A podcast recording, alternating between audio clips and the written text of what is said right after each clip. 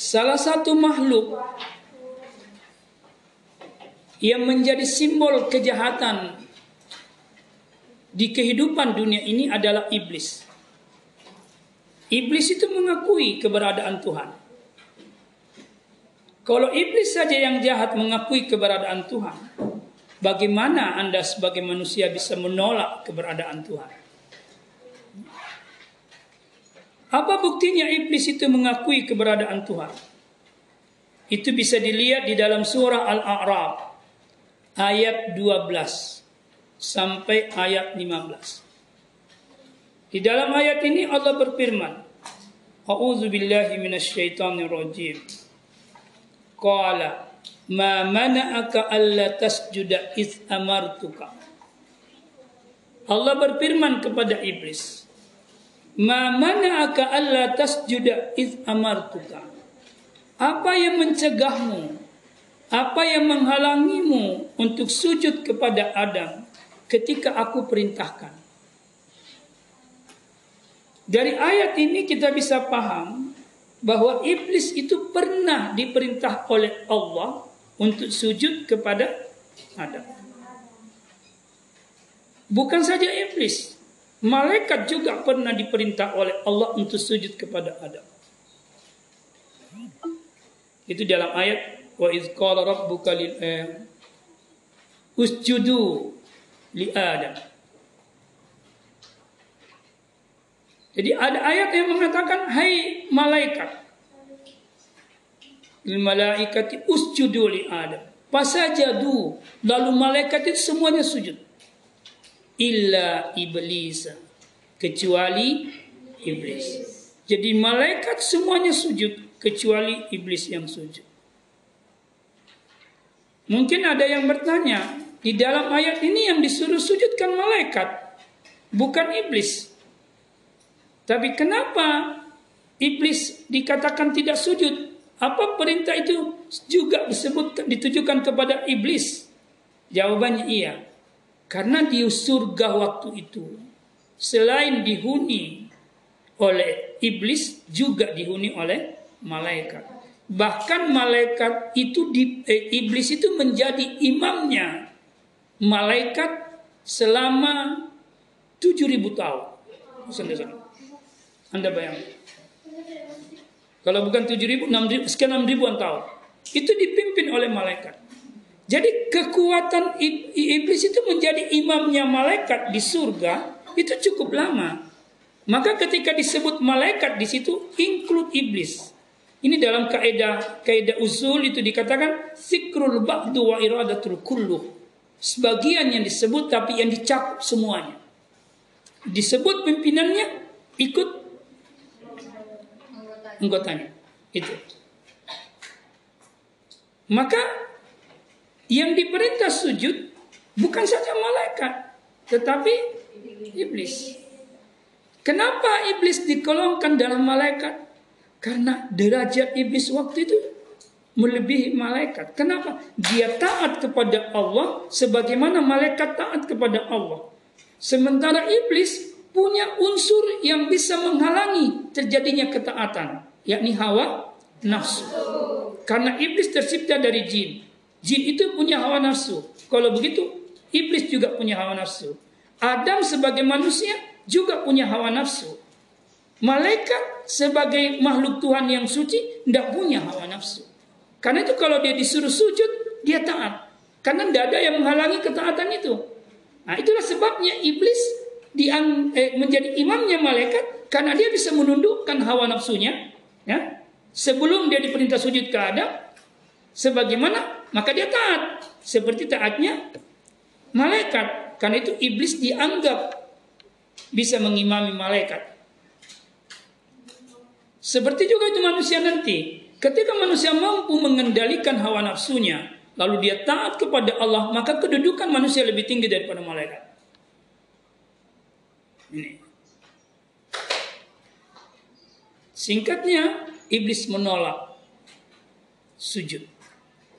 Maka Tuhan tanya, apa yang menghalangimu untuk tidak sujud? Iblis bilang, Qala ana khairun min. Saya lebih baik dari Adam. Kenapa iblis berpikir dia lebih baik daripada Adam?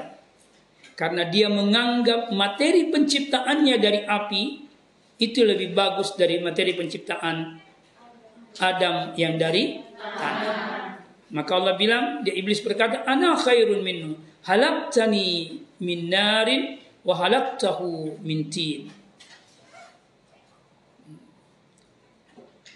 Merasa lebih baik itu adalah sebuah kesombongan. Jadi merasa lebih baik dari orang lain itu sebuah kesombongan. Dan merasa lebih baik ini kemudian akan berujung merendahkan orang orang lain. Itu sebuah kesombongan. Tapi kalau merasa lebih baik tapi tidak berujung pada merendahkan dan menghinakan orang lain, itu bukan kesombongan. Saya kasih contoh. Saya merasa lebih berada dari si A. Tapi justru merasa saya lebih berada dari si A, saya membantunya bukan merendahkannya, maka itu bukan kesombongan. Iya?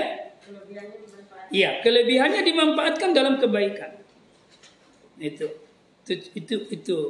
Nah. Saya mau tanya, apakah merasa lebih baik? Apa?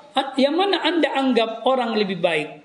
Yang suka tersenyum atau yang jarang tersenyum? Yang suka tersenyum.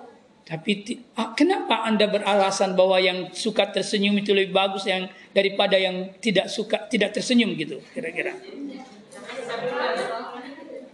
Hmm? Nah, saya mau, saya kasih pembuktian. Apa semua orang yang suka tersenyum itu baik? Tidak. Tidak. Tukang tipu itu paling suka tersenyum. Ya enggak? Kekuatan dia untuk bisa menipu orang itu senyumannya.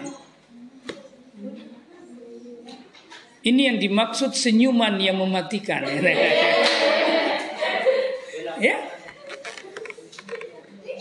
Jadi senyuman itu bisa dikatakan baik kalau dia digunakan dalam benar dan halal. Senyuman yang menyenangkan hati orang lain itu baik. Tapi senyuman yang menggelorakan nafsu itu buruk. Ada senyuman yang bisa mematikan orang lain.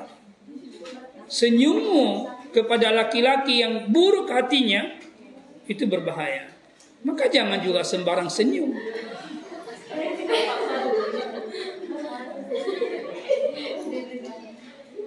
Iya enggak? Maka perempuan itu harus hati-hati juga menebar senyum. Tebarkan senyummu pada yang pantas. Kalau sesamamu perempuan oke okay, bebas gitu ya. Tapi kecuali orang yang sudah penyakit LGBT itu parah gitu. Jangan.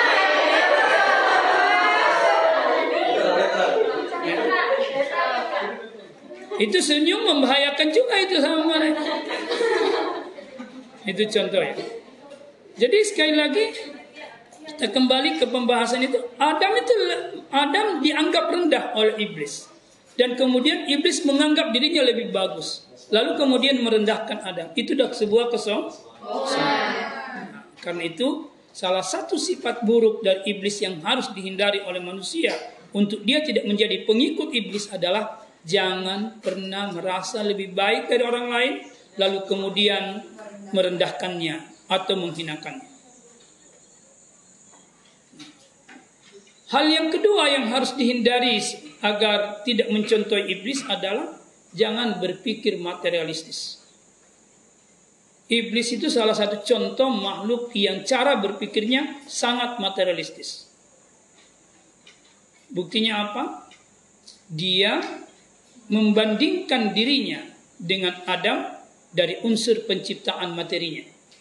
Dia tercipta dari tanah, eh, Adam tercipta dari tanah, dia tercipta dari api. Iblis menganggap materi api lebih mulia dan lebih tinggi dan lebih bagus daripada materi kamu. Itu cara berpikir iblis. Karena itu jangan pernah menganggap dirimu lebih bagus karena kamu kaya. Tidak. Karena kedudukanmu tinggi. Karena kamu lebih gagah, lebih kuat, lebih cantik. Tidak. Hmm. Karena tidak otomatis materi itu berujung dalam kebajikan. Seperti yang saya tadi katakan, orang yang suka senyum belum tentu lebih bagus daripada orang yang tidak suka senyum. Kenapa? Ada orang yang tidak suka senyum karena memang kalbunya takut kepada Allah. Dia tahu kelemahan dirinya, maka kalbunya hanya sibuk dengan Allah. Maka yang hadir pada dirinya adalah ketakutan di hadapan Tuhan. Maka dia tidak senyum. Jadi jangan berprasangka buruk sama orang yang tidak senyum. Jangan sampai dia lagi bermain, artinya dalam suasana kedekatannya dengan Tuhan. Karena kata Nabi, kalau sekiranya engkau tahu apa yang saya tahu, maka sedikit ketawamu banyak menangis. Nih. Jadi belum tentu orang yang banyak ketawanya itu orang bahagia. Jangan sampai senyum dan ketawanya hanya menutupi kegelisahan.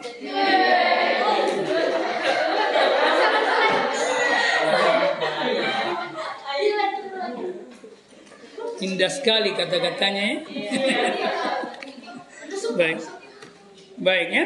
Nah, kita lanjut ya di ayat selanjutnya kita bilang. Mendengar jawaban iblis yang demikian menggambarkan superioritas dirinya, maka Tuhan bilang, Qala fahbi, turunlah engkau minha dari surga ini. Fama yakunu lak an tatakabbara fiha. Karena tidak pantas kamu bersikap sombong di dalam surga. Lalu Tuhan bilang, Faharuj innaka minas sagirin. Keluar dari surga ini. Sudah disuruh turun, disuruh keluar pula. Ini penegasan. Keluar dan turun itu sama-sama dikeluarin. Sama-sama meninggalkan surga. Inna kaminas sagirin. Lalu Tuhan tegaskan lagi ketiga kalinya. Kamu menjadi orang hina. Kamu menjadi orang rendah. Kamu golongan orang-orang yang hina. Rendah. Apa jawabannya iblis saking sombongnya? bukannya merespon itu sebagai sebuah merasa salah. Tapi justru dia bilang begini, Kala iblis berkata,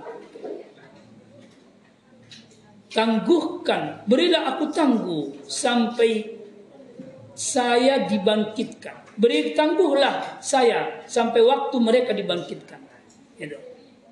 Wanzurni ila yaumi.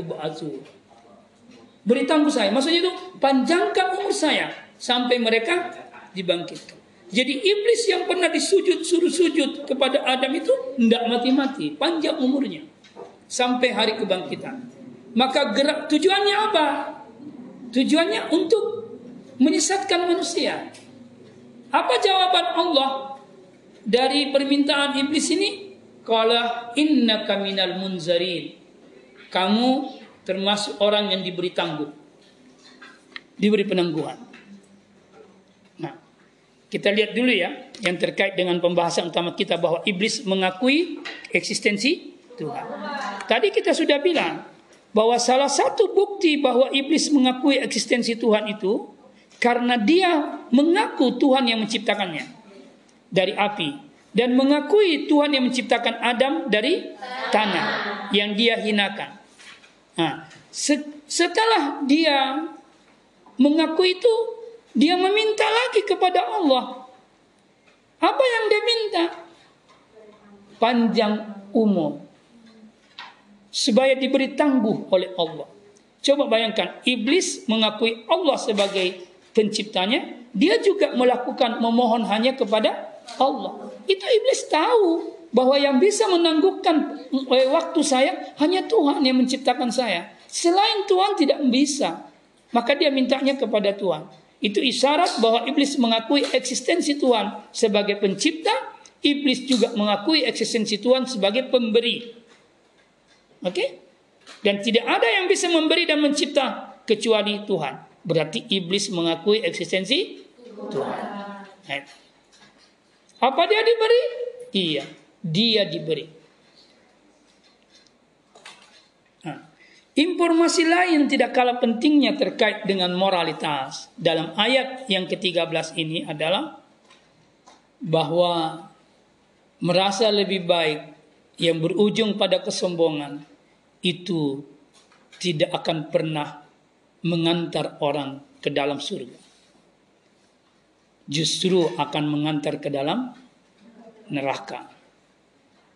Surga tidak bisa dihuni oleh sifat sombong oleh orang-orang pemilik sifat sombong.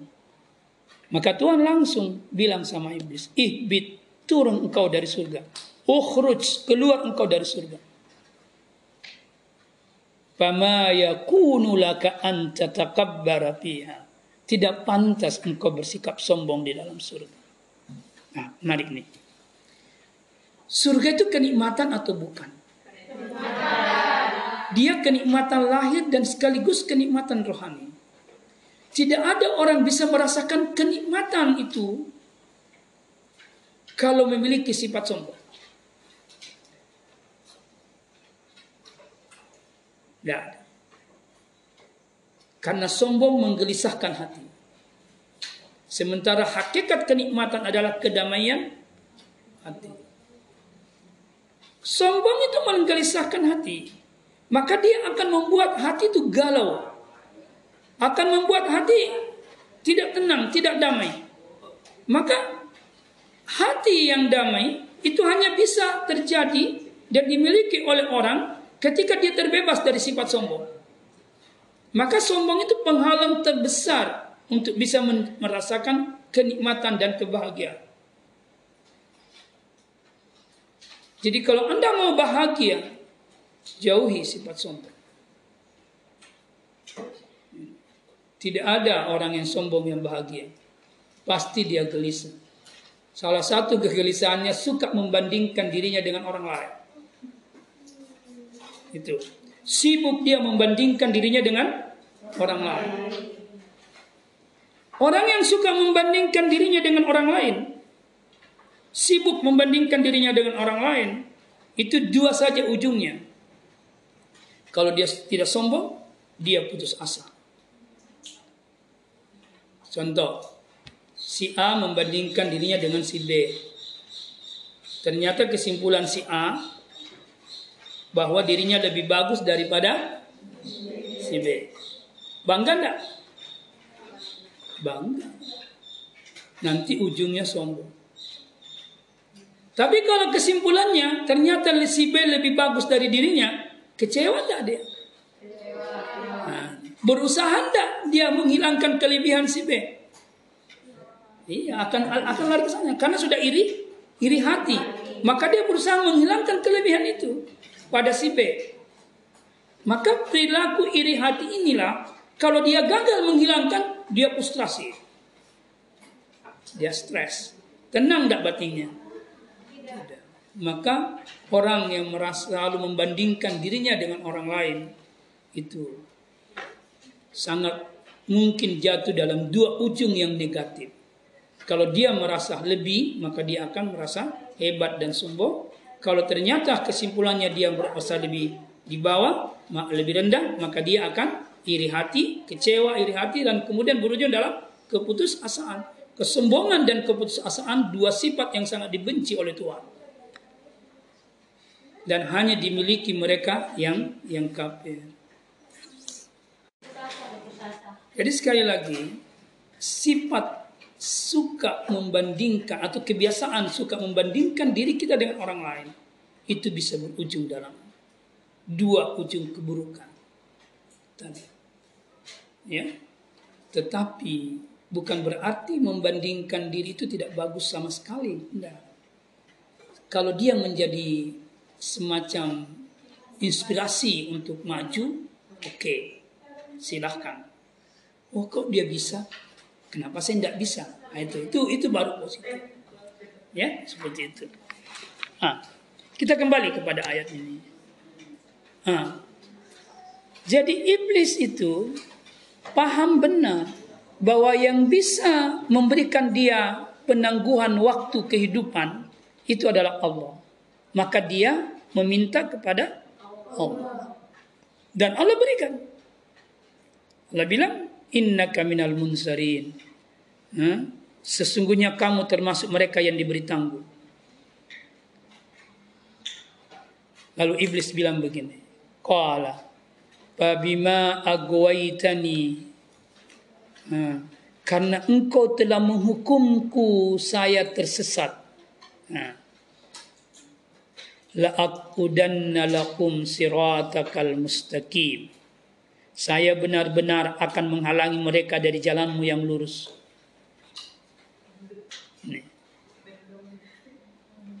Coba ini responnya iblis negatif sekali. Ya. Dia bahkan menuduh Tuhan yang menyesatkannya. Padahal dia sendiri yang tersesat. Iya kan? Dia sendiri yang tersesat. Sekiranya Tuhan ingin langsung menghukum iblis.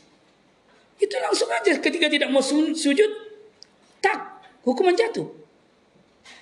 Ya kan? Tapi dengan kebijaksanaannya Allah, dia masih bertanya kepada iblis yang tidak mau sujud. Apa yang mencegahmu tidak sujud? Berarti iblis kasih Allah memberi kasih kesempatan kepada iblis untuk menyadari kesalahannya. Tapi iblis tidak menyadari. Dengan kata lain dalam bahasa saya itu iblis melakukan tolak diri. Dia tidak melakukan introspeksi diri bahwa saya salah dan tidak mengakui kesalahannya. Karena tidak mengakui kesalahannya, maka dia semakin berani, semakin merasa di atas angin, tertantang. Maka dia bilang, karena engkau telah menghukumi saya dalam kesesatan, maka saya berjanji akan menghalangi mereka manusia itu dari jalanmu yang lurus. Hmm. Lalu dia bilang, caraku seperti ini. Thumma la'atiyannahum min bayni aidihim. Saya akan mendatangi mereka dari depan. Dari depan wa min khalfihim dari belakang mereka. Wa an aimanihim dari sebelah kanan mereka. Wa an syama'ilihim dari sebelah kiri mereka. Wa la tajidu aktsaruhum aktsarahum syakirin. Engkau tidak akan menemukan Tuhan manusia itu lebih banyak yang bersyukur. Beh, matampu memang ya iblis ya. Eh, Sombong betul itu iblis. Dia sudah bilang, kalau saya sudah goda dari ada depan, dari belakang, kiri atau kanan, ha? maka manusia itu pasti tidak akan bersyukur kepadamu kecuali hanya sedikit.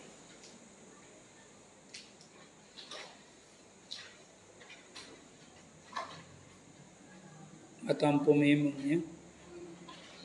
Jadi Menarik di sini, kenapa iblis tidak mengatakan aku akan menggodahnya dari arah atas dan dari arah bawah? Tapi dia hanya menyebutkan empat arah. Depan, belakang, kanan, kiri. Dia tidak sebut atas dan bawah. Nah. Apa isyaratnya? Isyarat maknanya orang yang senantiasa menggantungkan dirinya kepada Allah yaitu arah atas gitu kan? Lalu kemudian dia buktikan kesadaran ketergantungannya ini kepada Allah dengan sujud nah, kepada Allah sebagai arah bawah nah, inilah yang akan terbebas dari bisikan-bisikan iblis yang menyesatkan. Karena itu kuatkan hubunganmu ketergantunganmu kepada Allah dalam bentuk kuatkan sujudmu kepada Allah Subhanahu wa taala. Karena itu hanya itu senjata yang bisa digunakan oleh manusia untuk bisa terhindar dari bisikan-bisikan jahat iblis. Kalau orang tidak bermain di sini, tidak berada dalam dua arah ini, maka dia dipenuhi dengan bisikan-bisikan iblis dan tersesat bersama iblis. Ini. Ya. Di sini juga ayat ini juga mengisyaratkan bahwa orang yang terbebas dari pengaruh kesesatan, bisikan kesesatan iblis itu adalah orang syakirin, orang yang bersyukur kepada Allah. Dan hanya orang yang bersyukur kepada Allah yang bisa melakukan hubungan yang kuat dengan Tuhan. Sebelah atas ini, arah atas. Dan yang bisa melakukan sujud kepada arah bawah, kepada Tuhan. Hanya orang seperti itu. Dan sebenarnya tidak ada alasan kita satu detik pun untuk tidak bersyukur kepada Allah. Nabi pernah ditanya sama Aisyah. Ketika Nabi dilihat sudah kakinya sudah bengkak ya. Tapi dia tetap kuat sholat. Lalu tanya, ya Rasul, kenapa engkau siksa dirimu beribadah, menegakkan salat pada engkau sudah diampuni oleh Allah. Kata Nabi, Bukankah saya ingin menjadi hamba yang pandai bersyukur? Pengampunan Allah kepadaku, saya harus syukuri dengan ibadah kepadanya. Eh? Kemampuan saya beribadah, saya harus syukuri lagi. Karena tidak mungkin saya bisa diampuni tanpa rahmatnya Allah dan tidak mungkin saya mampu beribadah tanpa rahmatnya Allah. Maka ini kemampuan saya beribadah itu juga lagi syukur. Jadi syukur itu harus ditimpali dengan syukur lagi. Syukur itu ditimpali dengan syukur lagi. Terus begitu berulang-ulang. Jadi syukur selalu ditimpali dengan syukur yang baru. Seperti itu. Maka tidak ada habisnya untuk orang bersyukur kepada Allah. Ya. Nah, tapi sekali lagi, itu yang saya katakan tadi, maka sedikit orang yang bisa mencapai kualitas abdan syakura, orang yang pandai bersyukur kepada Allah. Dan bukti bahwa orang itu pandai bersyukur kepada Allah, hubungan vertikalnya dengan Allah sangat kuat dan hubungannya sujudnya kepada Allah juga sangat kuat. Dua arah ini tidak bisa disentuh oleh iblis. Jadi kalau mau selamat, pelihara beradalah di dua arah ini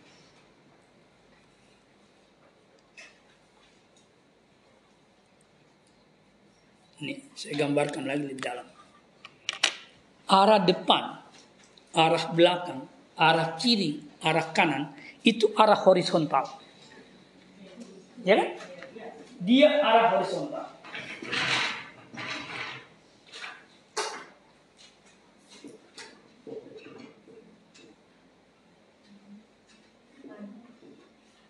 Jadi arah kiri kanan, arah depan belakang itu ada horizontal. Horizontal itu bermainnya di materi. Oke? Okay? Tapi arah atas itu arah vertikal. Arah bawah arah yang menggambarkan kerendahan diri seorang hamba di hadapan Allah.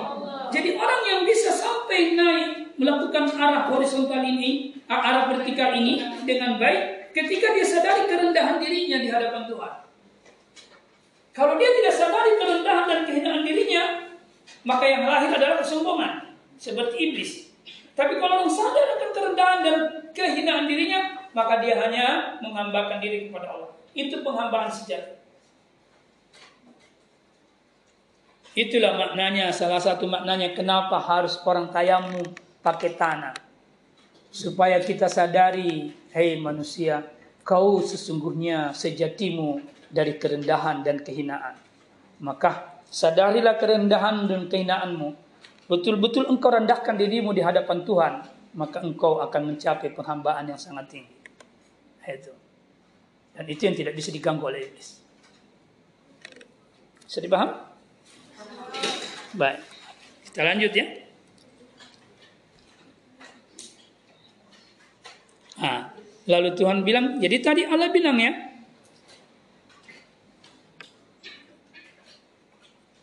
Lalu Tuhan bilang gini, Qala ukhruj minha mazmuman madhura. Keluarlah engkau iblis dari surga ini sebagai orang, sebagai makhluk yang terhina, lagi terusir. Sesungguhnya barang siapa di antara manusia itu mengikuti kamu, maka benar-benar aku akan mengisi neraka jahanam dengan kamu semuanya. Artinya, manusia menjadi pengikut iblis akan sama-sama terhina di dalam neraka jahanam. Nah, kalau begitu pertanyaannya menarik di sini. Sebenarnya kehinaan dan kesengsaraan abadi itu di mana? Di neraka jahanam. Di neraka jahanam. Iblis laknatullah itu sudah ditetapkan di neraka jahanam. Dan siapa pun yang mengikutinya di neraka jahanam.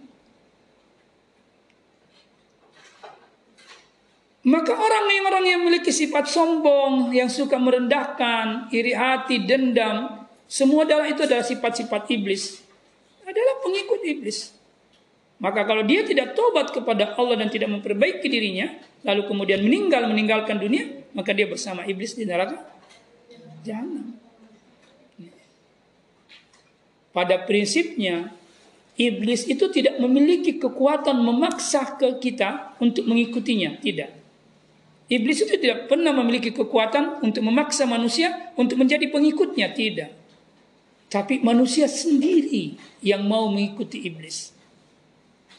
Maka itu nanti di neraka, ketika iblis dimasukkan ke dalam neraka, manusia-manusia lebih duluan masuk neraka mengatakan, Ya Allah, gandakan siksanya, perberat siksanya. Dialah yang menyebabkan saya masuk neraka. Iblis jawab, Eh, bukan saya. Kamu yang mau ikut. Saya hanya membisikkan. Tapi kau terima bisikanku, maka kau ikut. Maka yang bertanggung jawab dirimu sendiri. Saya tidak pernah memaksamu untuk ikut. Sekiranya saya memaksamu ikut, ya saya bertanggung jawab. Ternyata tidak. Saya juga takut sama Allah gitu. Iblis sampai bilang begitu. Hmm. Jadi Iblis yang mengakui eksistensi Tuhan itu berada dalam kehinaan dan kerendahan, ya kan? Buktinya dia sengsara abadi dalam neraka. Ini mengisyaratkan makna bahwa ada makhluk yang mengakui keberadaan Tuhan tetapi dia tetap sengsara.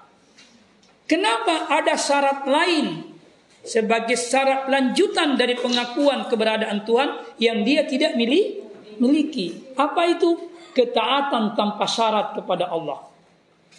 Saya ulang, ketaatan tanpa syarat kepada Allah.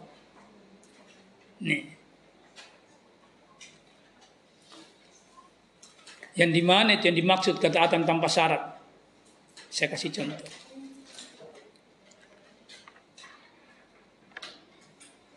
Ini ada kisah cerita akhlak yang menarik.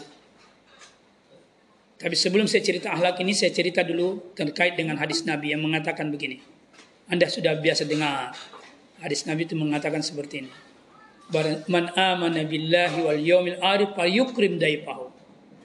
Ya, barang siapa yang beriman kepada hari akhirat, kepada Allah dan hari akhirat, maka hendaklah dia memuliakan tamunya. Hendaklah dia memuliakan tetangganya.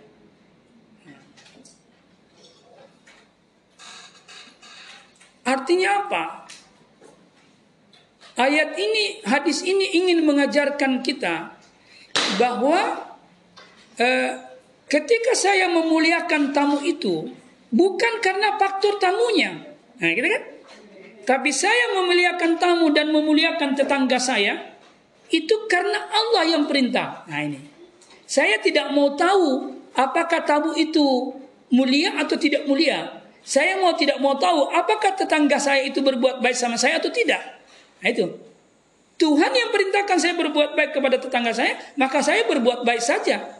Karena Tuhan yang perintahin. Ini namanya taat tanpa syarat. Nih. Kalau Tuhan sudah perintahkan, lakukan. Ini taat tanpa syarat. Allah perintahkan berbuat baik sama tamu, muliakan tamu, lakukan karena Allah yang perintahkan. Bukan karena tamu itu baik dan sebagainya.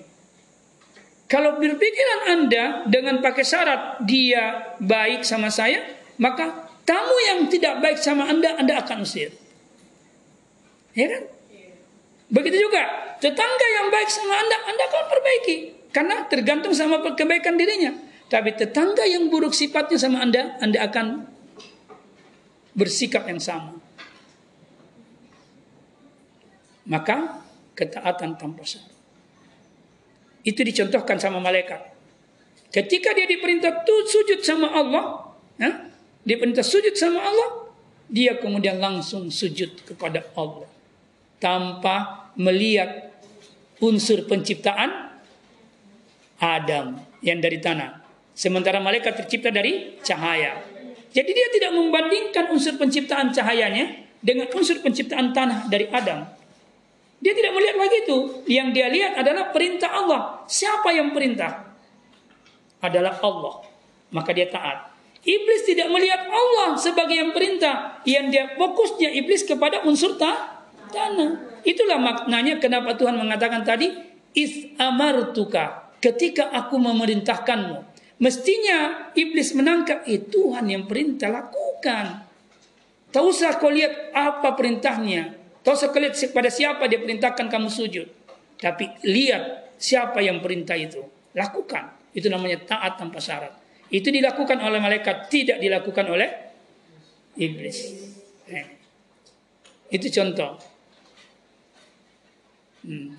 Contoh kisah yang lain.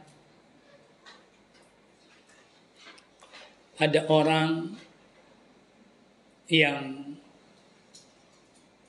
uh, pemuda yang sangat jahat ya sama seorang yang alim. Si pemuda itu bilang sama yang alim. Anggaplah ustadz gitu ya. Ustadz ke rumah ya. Sebentar. Maka ustadz itu ke rumahnya. Sampai di rumahnya, pulang Ustaz, saya tidak butuh Ustaz. Kurang ajar enggak itu? Ustadznya senyum saja. Ustadznya senyum saja. Ketawa. Lalu kemudian besoknya dia temu lagi Ustadz itu. Ya, bukan ya, mungkin hari itu juga ketemu lagi. Ustadz ke rumah ya. Nah, dengan nada perintah. Lalu Ustaznya datang ke rumahnya lagi. Nah, setelah datang ke rumahnya disuruh lagi kembali. Ah, saya sudah tidak butuh Ustaz. Pulang aja. Ustaznya tersenyum. Yang ketiga kalinya dia lakukan hal yang sama. Ustaznya juga masih tersenyum. Bingung nih anak kurang ajar ini. Dia tanya, kok Ustaz tersenyum saja? Kok tidak marah? Ustaz itu bilang, saya ke sini bukan karena perintahmu, tapi saya sini karena Tuhan yang bilang datangi tetanggamu, apalagi dia memanggilmu. Nah itu, ini orang dia melakukan sesuatu bukan karena orang lain, tapi diktenya Allah, bukan dikte makhluk. Ini berat, tidak gampang mencapai. Ini orang hebat. Seperti ini. Ya. Nah. Selanjutnya ini contoh iblis bahwa iblis itu paham benar eksistensi Tuhan dan dia mengakui dia meminta ini kesalahan iblis yang terbesar sehingga dia harus sengsara dalam api neraka tadi itu dia meskipun mengakui keberadaan Tuhan dan minta tolong kepada Tuhan, tapi dia tidak taat kepada Allah. Jadi syarat kedua untuk bisa merasakan kenikmatan surgawi adalah akui eksistensi Tuhan, imani Tuhan, lalu taat, taat tanpa syarat. Taat tanpa syarat itulah keikhlasan sejati.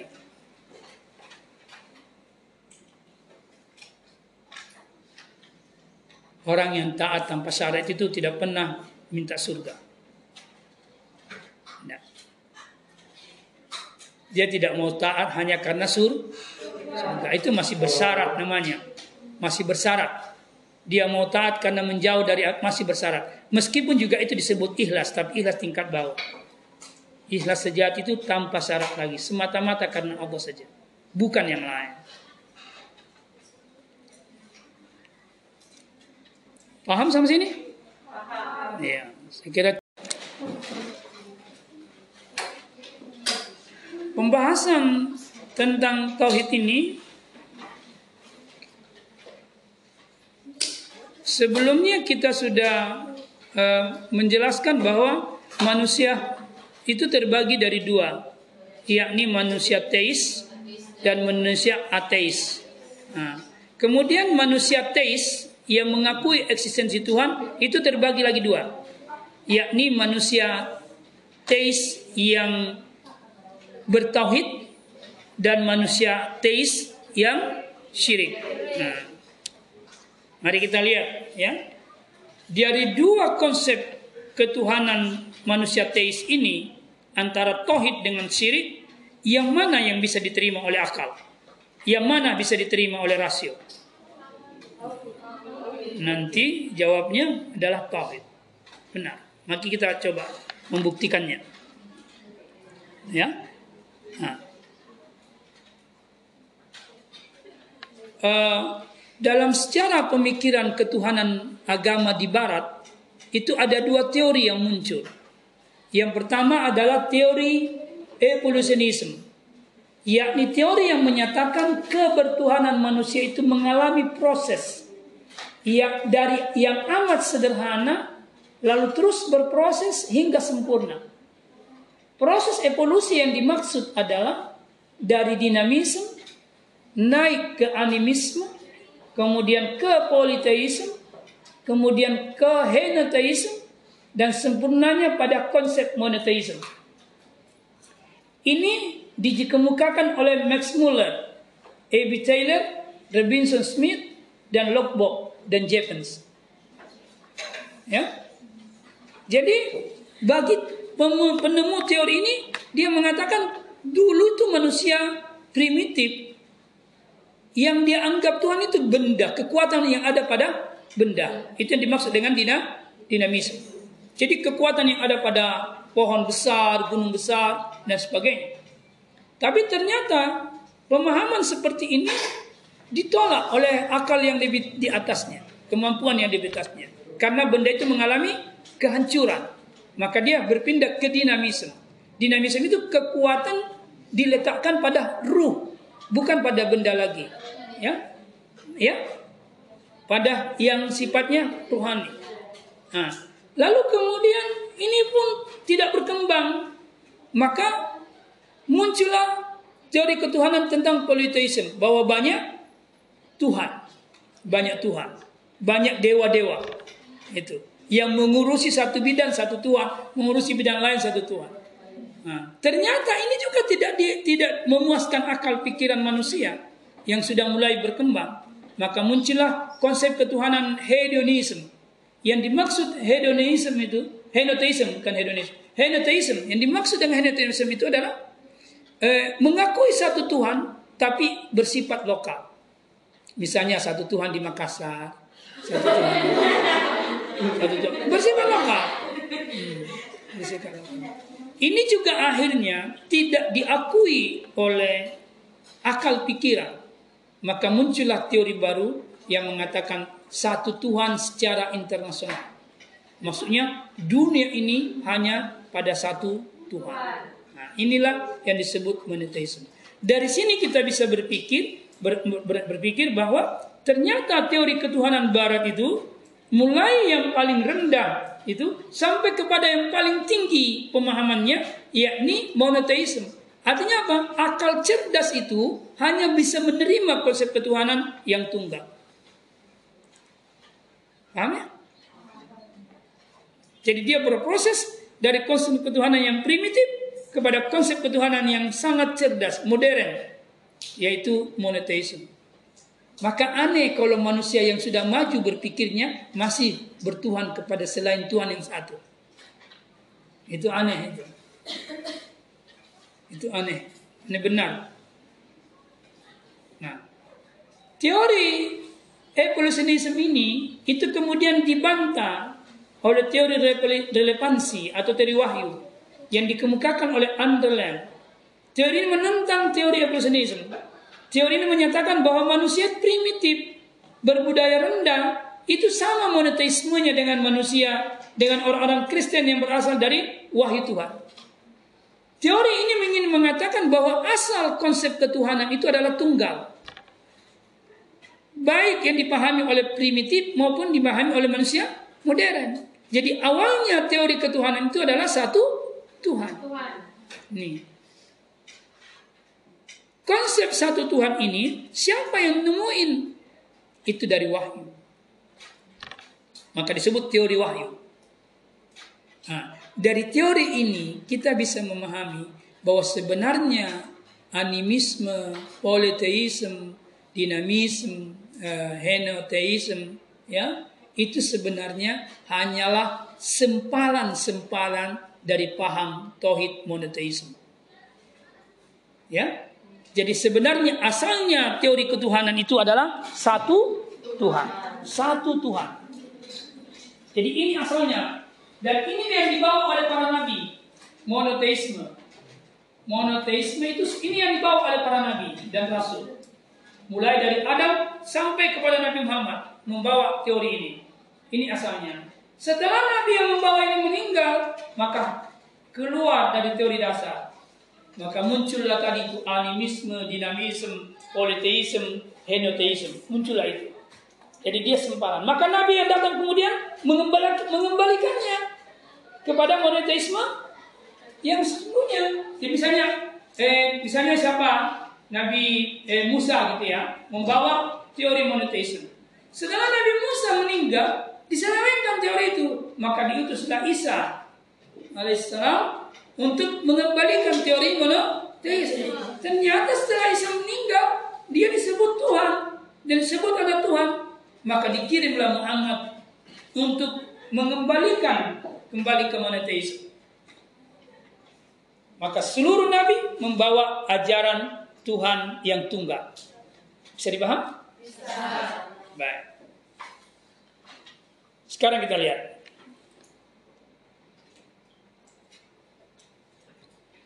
Nih. Ini analisis rasionalnya yang sebenarnya digambarkan di dalam Al-Quran di surah Az-Zumar. Ya, Anda kita lihat nih. Ini ada tuan, ada budak.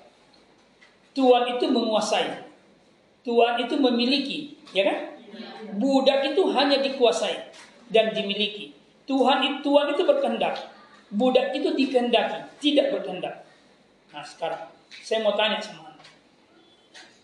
Tuan A memiliki satu budak D. Tuan B memiliki budak E. Tapi budak E ini juga dikuasai atau dimiliki oleh tuan C. Nah, sekarang kita lihat dari sisi budak, yakni budak D dan budak E. Kira-kira menurut Anda yang mana yang hidupnya akan menjadi tenang, damai, Apakah budak D atau budak E? D. Jelas D. Karena hanya satu yang menguasainya. Sementara budak itu tidak berkuasa, tidak berkehendak. Maka tugas sang budak ikuti maunya tuanmu. Damai hidupmu. Oke? Okay? Sementara E, Tuan B bilang, kau ke kanan. Contoh, Tiba-tiba muncul Tuan C, kau ke kiri. Budak E tidak punya pilihan. Karena memang dia punya hak, tidak hak memilih. Nah, maka dia mengalami apa disebut dengan keterpecahan kepribadian. Dia susah hidupnya. Mau ikut D, ternyata C bilang tidak. Lalu ada yang bilang, bagaimana kalau C dengan B bekerja sama? Tidak mungkin. Karena kalau dia sudah bekerja sama, berarti kekuasaannya terba terbatas. Sementara Tuhan itu tidak mungkin terbatas kekuasaannya terhadap budak budaknya. Ini mengajarkan kita bahwa ternyata uh, eh, secara rasional itu bersal apa, eh, memiliki Tuhan menyadari Tuhan mempercayai Tuhan yang satu itu adalah itu yang rasional dibanding meyakini Tuhan yang banyak itu. Nah, Al-Quran di dalam surah Az-Zumar itu menjelaskan itu. Ya. Al-Qur'an di dalam surah Az Zumar itu menjelaskan itu. Saya bukakan ya Al-Qur'an surah Az-Zumar, surah 38. 339. Surah ke-39.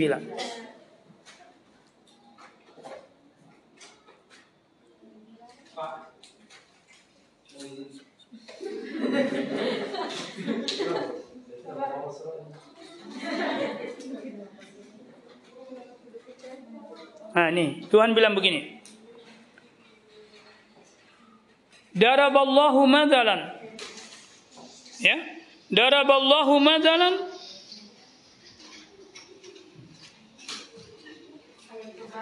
di ayat tunggu dulu ya. Di ayat 30 ayat 29 ya. Allah bilang Daraballahu madalan rajulan fihi syuraka mutaka mutasyakisun mutasakisun wa rajulan salaman li rajulin. Hal yastawiyani madala? Jadi dapat? Coba terjemahkan. Allah membuat perumpamaan yaitu yaitu seorang laki-laki atau hamba sahaya yang dimiliki oleh beberapa orang yang berserikat yang dalam perselisihan dan seorang hamba sahaya yang menjadi milik penuh dari seseorang saja. Adakah kedua hamba sahaya itu sama keadaannya? Hmm. Segala puji bagi Allah, tetapi kebanyakan mereka tidak mengetahui. Ini penggambaran tentang konsep ini. Maka budak E yang dikuasai oleh C dan B yang saling berselisih, Hah? itu tidak mungkin sama dengan keadaan budak D yang hanya dikuasai oleh satu Tuhan, yakni A. Sama dengan kita. Kita ini hambanya Allah. Kalau kita dikuasai oleh banyak Tuhan, kita mengalami kehancuran yang sangat luar biasa. Tidak mungkin. Maka Tuhan bilang, apa sama? Dua orang ini tidak mungkin sama. Maka Alhamdulillah, segala puji bagi Allah yang mengajarkan konsep ketuhanan tunggal. Bal aksaruhum la ya'lamun. Tetapi kebanyakan manusia tidak mengetahui itu maka banyak yang berlaku syirik. Bisa dipaham sampai situ? Oke. Okay.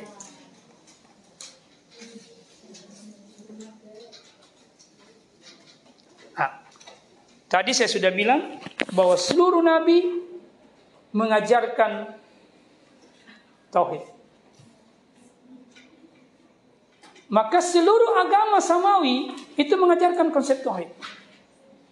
Kalau begitu konsep tauhid ini berasal dari langit. Berasal dari agama langit. Agama yang didasarkan pada wah, wahyu. Ya? Nah. Karena konsep tauhid ini adalah konsep yang dibawa oleh seluruh nabi, maka kita bisa berkata seluruh nabi membawa ajaran is Islam. Dari dulu, dari nabi pertama sampai nabi terakhir semuanya mengajarkan Islam. Agama Yahudi dan Nasrani itu yang dibawa oleh Nabi itu sebenarnya awalnya mengajarkan tentang tauhid. Dan kemudian setelah nabi-nabi mereka meninggal, itu kemudian dia rubah ajaran tauhid itu menjadi ajaran syirik. Hmm. Contohnya, salah satu contoh di dalam ayat surah Al-Anbiya dikatakan inna hadhihi ummatukum Sesungguhnya ummatan wahidah. Sesungguhnya agama tauhid itu adalah agama yang satu. Agama kamu semua. Wa ana rabbukum fa'buduni.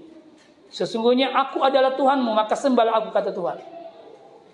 Jadi semua nabi dan umat-umat terdahulu semua nabi membawa ajaran tauhid kepada umatnya masing-masing.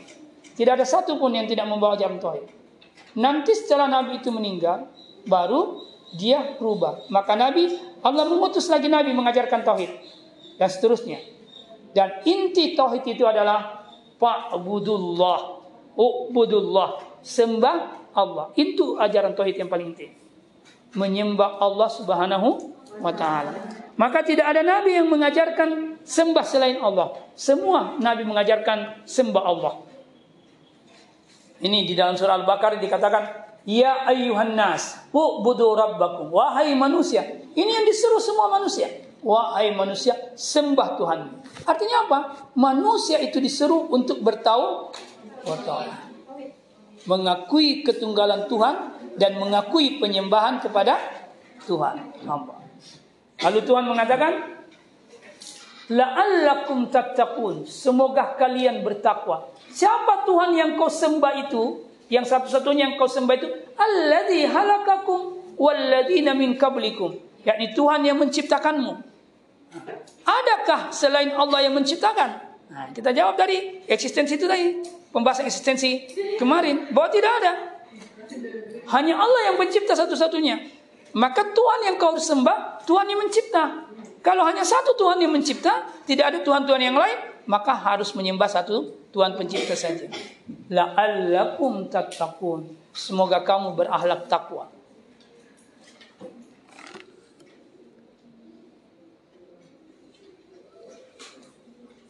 Ini dipertegas oleh ayat ini surah Nahl ayat 36. Walakad ba'atna fi kulli ummatin rasulan. Sesungguhnya kami telah mengutus kepada setiap umat itu seorang rasul kata Allah. Apa ajarannya? Ubudullaha wajtanibut tagut. Maka sembahlah Allah itu. Sembahlah Allah. Ini ajaran tauhid. Ini namanya tauhid praktis. Tapi ada tauhid teoritis yang harus mendukung tauhid ini sebelum masuk ke tauhid praktis. Itu kita akan jelaskan kemudian. Ini Wa ma arsalna min qablika min rasulin illa nuhi ilaihi annahu la ilaha illa ana fa'buduni. Tidaklah kami mengutus seorang rasul sebelum kamu Muhammad kecuali diwahyukan kepadanya. Apa wahyunya Allah? La ilaha illa ana fa'buduni. Tidak ada Tuhan selain Allah, tidak ada ilah selain Allah, selain saya. Maka sembahlah saya kata Tuhan. Maka kalimat tauhid itu ada pada kalimat la ilaha illallah. Nah, ini La ilaha illallah. Kalau dalam ini la ilaha illa ana fa'buduni. Maka yang dimaksud ilah puncak daripada ilah itu sembahlah aku. Ubud, jadilah hambaku. Maka Allah mengatakan dalam Al-Quran, Wa ma halaktul jinna wal insa illa liya'budun. Aku tidak menciptakan manusia dan jin kecuali menjadi hambaku. Kecuali bertauhid kepadaku. Lalu kemudian dia menyembahku. Ya, kira-kira itu.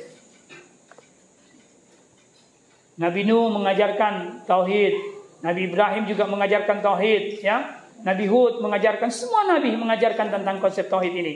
Nabi Suaib, Nabi Isa, semua nabi mengajarkan tentang konsep tauhid. Nabi Muhammad juga mengajarkan konsep tauhid. Tidak ada satupun nabi yang tidak mengajarkan konsep tauhid. Karena apa? Karena memang eh, eh, hanya eh, konsep tauhid inilah yang bisa diterima sebenarnya oleh manusia. Nah, kita lihat kasus di dalam Al-Quran tentang Nabi Isa. Dia mengajarkan konsep tauhid. Tapi Quran bilang begini, Laqad kafara alladziina qalu inna Allah inna Allah huwal Masih ibnu Maryam. Qala al-Masih ya bani ya bani Israil, ubudullaha rabbuk rabbi wa rabbukum innahu may yusrik billahi faqad haramallahu alaihi jannah wa ma'wahumun nar wa ma lidzalimin min ansar Sesungguhnya telah kafir orang-orang yang berkata sesungguhnya Allah adalah Al-Masih putra Maryam. Jadi orang Nasrani itu menganggap Isa sebagai Tuhan. Nah. Lalu padahal Al-Masih sendiri berkata. Jadi Al-Masih sendiri atau Isa sendiri berkata, apa kata Isa? Hai Bani Israel, ya Bani Israel, Ubudullah, sembah Allah, Rabbi, Tuhanku, dan Tuhan. Jadi Isa itu menganggap, meyakini Allah Tuhannya. Dan Tuhannya Bani Israel. Maka sembahlah Allah. Tapi kenapa kaum Bani Israel itu menjadikannya dia bertuhan? Itulah kesalahan sebenarnya. Maka Tuhan mengatakan, Innahu may yusrik billah. Sesungguhnya orang yang mempersekutukan Allah bersyirik, mempersirikatkan Allah, maka diharamallahu alaihi jannah. Maka diharamkan atasnya surga. Artinya apa? Orang Nasrani, orang Bani Israel yang menjadikan Isa sebagai Tuhan, itu sudah berlaku si syirik. Itu sudah berlaku syirik. menjadikan Tuhan lain selain Allah. Nah, maka baginya yang berlaku syirik haramallahu alaihi jannah. Haram baginya surga. Wa ma'wahumun dan dia pasti dalam neraka. Wa ma zalimin min ansar. Orang yang syirik itu orang zalim dan tidak ada penolongnya, penolongnya orang zalim. Itu tegas sekali. Itu kesalahan terbesar yang dilakukan oleh Nasrani menjadikan Isa sebagai Tuhan. Hmm. Lalu Al-Maidah bantahan bahwa Nabi Isa itu terkait dengan ketuhanannya itu terbantah. Maka Allah bilang begini, wa isqala Allahu ya Isa ibn Maryam. Dan ketika Allah berfirman, "Hai Isa putra Maryam, a anta qulta lin-nasi ittahizuni wa ummi ilaihaid min dunillah?" Ditanya Nabi Isa, pernah ditanya Nabi Isa. Anta qulta linnas, apakah engkau yang berkata kepada manusia kepada Bani Israel, ittakhiduni wa ummi ilahain, jadikan aku dan ibuku Maryam dua Tuhan? Itu ditanya sama Tuhan. Lalu Qala lalu Isa menjawab, Subhana, maha suci engkau ya Allah ma yakunu li an aqula ma laysa li bihaqqin. Ha, dia bilang, Maha suci engkau ya Allah. Tidaklah patut bagiku mengatakan apa yang bukan hakku. Jadi saya ingin berkata, bagaimana saya bisa mengaku sebagai Tuhan dan saya tidak berhak jadi Tuhan. Saya ini cip, ciptaan. Jadi tidak ada ciptaan yang berhak jadi Tuhan. Hmm. Lalu dia katakan, In kuntu kultuhu faqad alim tahu. Sekiranya aku dulu mengatakannya Tuhan, maka sungguh kau tahu. Ta'lamu ma fi nafsi wa la a'lamu ma fi nafsi. Karena kamu tahu apa yang ada dalam diriku, tapi saya tidak tahu apa yang ada dalam dirimu. Itu perjawabannya Nabi Isa. Innaka antal allamul ghuyub. Sesungguhnya engkau maha tahu yang gaib. Jadi Isa membantah pengangkatan dirinya sebagai Tuhan. Dan pengangkatan diri Isa sebagai Tuhan itu sebuah kesirikan. Nah, ini yang menarik ini kasus biarawati ya, atas ketuhanan Isa dan atau Yesus. Dalam sejarah gereja itu dikemukakan ya. Pertama, Yesus yang dikenal oleh umat Islam sebagai Isa mulai dilantik sebagai Tuhan atau dipertuhankan oleh manusia pada tahun 325 Masehi. Jadi Isa itu jadi Tuhan nanti 325 Masehi. Sebelumnya dia bukan Tuhan, dia nabi. Ya, yakni pada suatu konsili di kota Nisia atau konferensi Nisia di Romawi oleh Raja Konstantin pada tahun 325 Masehi itu. Nah, fakta ini ya yang dikemukakan dalam sejarah gereja anehnya Ha, 90% umat Kristen tidak mengetahuinya. Nih. Hmm. Jadi keputusan bahwa Isa sebagai Tuhan itu diangkat oleh di konferensi Nesia ini itu tidak diketahui oleh 90% umat Kristen. Yang tahu itu hanya para pendeta. Yang tahu itu hanya biarawati. Itu tahu. Karena memang pelajari, dia pelajari di sekolah teologi. Hah? Nah, akhirnya seorang biarawati itu membantah ini. Seorang biarawati membantah ini, ya, membantah ketuhanan Yesus berdasarkan pertimbangan rasional. Ya. Di mana ah, bagaimana kasusnya itu?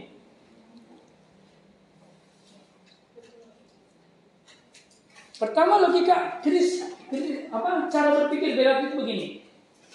Dia bilang begini. Bagaimana bagaimana mungkin seorang manusia diangkat menjadi Tuhan? Ya. Bagaimana mungkin seorang manusia diangkat menjadi Tuhan? Padahal ia adalah makhluk. Itu tadi kita jelaskan. Nah, seorang makhluk selamanya adalah makhluk dan tidak akan pernah menjadi pencipta. Perumpamannya bilang begini.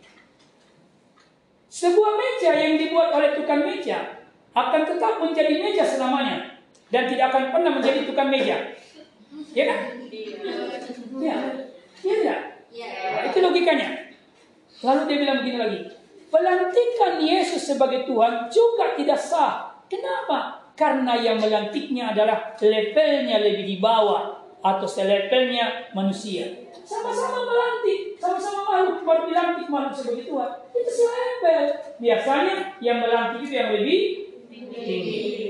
Nah, pertanyaannya, dapatkah atau sahkah seorang RW dilantik oleh RW atau, atau RT-nya? Tidak. Atau 100 kopral melantik salah satu kopral tersebut menjadi jenderal. Kan lucu, nggak mungkin, ya kan? Nah itu. Jika pelantikan kopral itu terjadi, maka itu tidak akan dapat dibenarkan atau tidak sah. Jadi secara rasional oleh seorang birawat sendiri itu membatalkan ketuhanan Yesus. Hmm. Dari tadi. Jadi apa hakikat makna tauhid dari apa yang kita jelaskan sebelumnya? Hakikat makna tauhid itu adalah penyembahan semata-mata hanya kepada Allah sebagai Rabb yang menciptakan dan tidak kepada selainnya. Itu hakikat makna daripada tauhid. Kalau begitu, syirik apa hakikat makna dari syirik? Menyembah selain Allah. Dan dipastikan selain Allah itu ciptaan. Jadi menyembah ciptaan, menyembah diri sendiri, menyembah orang lain, menyembah hawa nafsu, itu syirik. Maka syirik itu ada dua, ada yang tegas, ada yang jelas, dan ada yang halus. Nanti kita jelaskan mana syirik yang halus dan mana syirik yang jelas. Nah. Kita jelaskan dulu kalimat tauhid ini. Fokus di sini. Kita jelaskan dulu kalimat tauhid ini. Ya. Kalimat tauhid.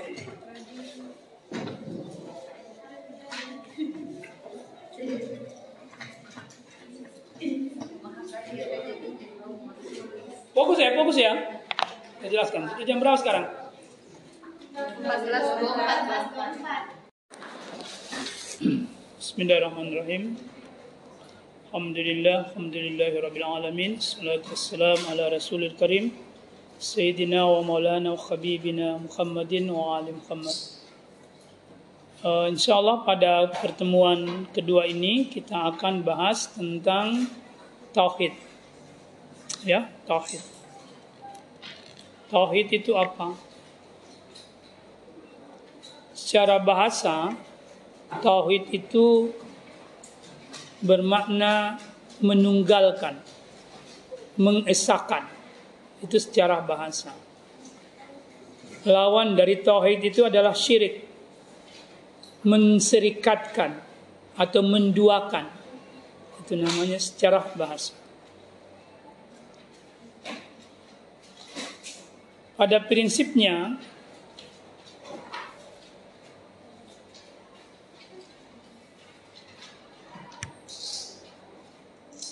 Tauhid secara istilah adalah mengesahkan Tuhan baik dari segi satnya, dari segi perbuatannya, dari segi sifat-sifatnya. Maka kita mengenal istilah tauhid sati, tauhid af'al, tauhid asma dan sifat.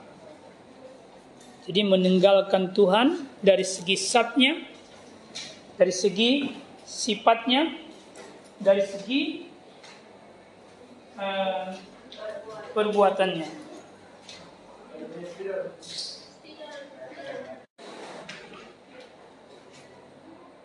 Tauhid sat, tauhid afal, tauhid asma dan sifat ya ini kita sebut tauhid teoritis teoritis karena dia tauhid teoritis maka harus diilmui harus di diilmui. Jadi kita harus mengilmui asma dan sifatnya Allah. Nama dan sifat-sifat Tuhan. Kita harus mengilmui afalnya Allah. Perbuatannya Tuhan. Pengetahuan kita tentang afal, asma dan sifat Tuhan itu akan mengantar kita mengetahui zatnya Allah. Tapi pengetahuan zat Allah itu bukan dalam pengetahuan eh, seperti mengetahui wujud kursi, tidak begitu, ya, tidak begitu, ya, tidak bukan dalam makna seperti itu. Kenapa? Karena seluruh pengetahuan kita tentang sifat itu laisa kamislihi syai. Laisa kamislihi syai. Tidak ada yang serupa dengannya dan tidak ada penyerupaan yang bisa menyerupainya. Jadi asma-nya Allah tidak ada penyerupaannya. Sifatnya juga begitu, tidak ada penyerupaannya. Afalnya juga begitu, tidak ada yang penyerupaannya, tidak ada yang serupa dengannya. Apalagi satnya. Bahkan kita dilarang berpikir tentang satnya Allah. Maka dalam hadis Nabi mengatakan, tafakkaru La tafakkaru fi safillah. Janganlah kalian berpikir tentang zatnya Allah. Tapi berpikirlah tentang makhluknya Allah. Tafakkaru fi halqillah wa la tafakkuru fi zatillah. Berpikirlah kalian tentang makhluknya Allah dan jangan berpikir tentang zatnya Allah. Karena tidak mungkin kita bisa menangkap, memahami zat Tuhan itu. Tidak mungkin. Tidak mungkin. Maka terlarang untuk memikirkan itu. Maka yang harus kita pikirkan adalah ciptaannya Tuhan. Ciptaan Tuhan itu adalah mah, makhluknya Allah berarti perbu perbuatan. Maka yang harus kita pahami adalah bagaimana perbuatan Tuhan. Bagaimana asmanya dan bagaimana sifatnya. Paham ya sampai situ? Nah, itulah sebabnya ketika Allah sebagai Tuhan yang tunggal memperkenalkan dirinya kepada manusia, pertama kali yang dia perkenalkan dirinya adalah perbuatannya. Yang kita bisa pahami dari kata roh. Jadi pertama kali Allah memperkenalkan dirinya sebagai roh. Sebagai roh. Roh itu apa? Ya, sering diterjemahkan dengan makna Tuhan. Terjemahan makna Rab dengan makna Tuhan bukan salah, tapi kurang pas. Dia menyembunyikan banyak makna yang sangat fungsional. Makna apa saja? Rab itu adalah berarti pencipta. Rab itu adalah pemilik, penguasa, Rab itu adalah pengatur, pemelihara, pemelihara, pendidik, pemberi kebajikan.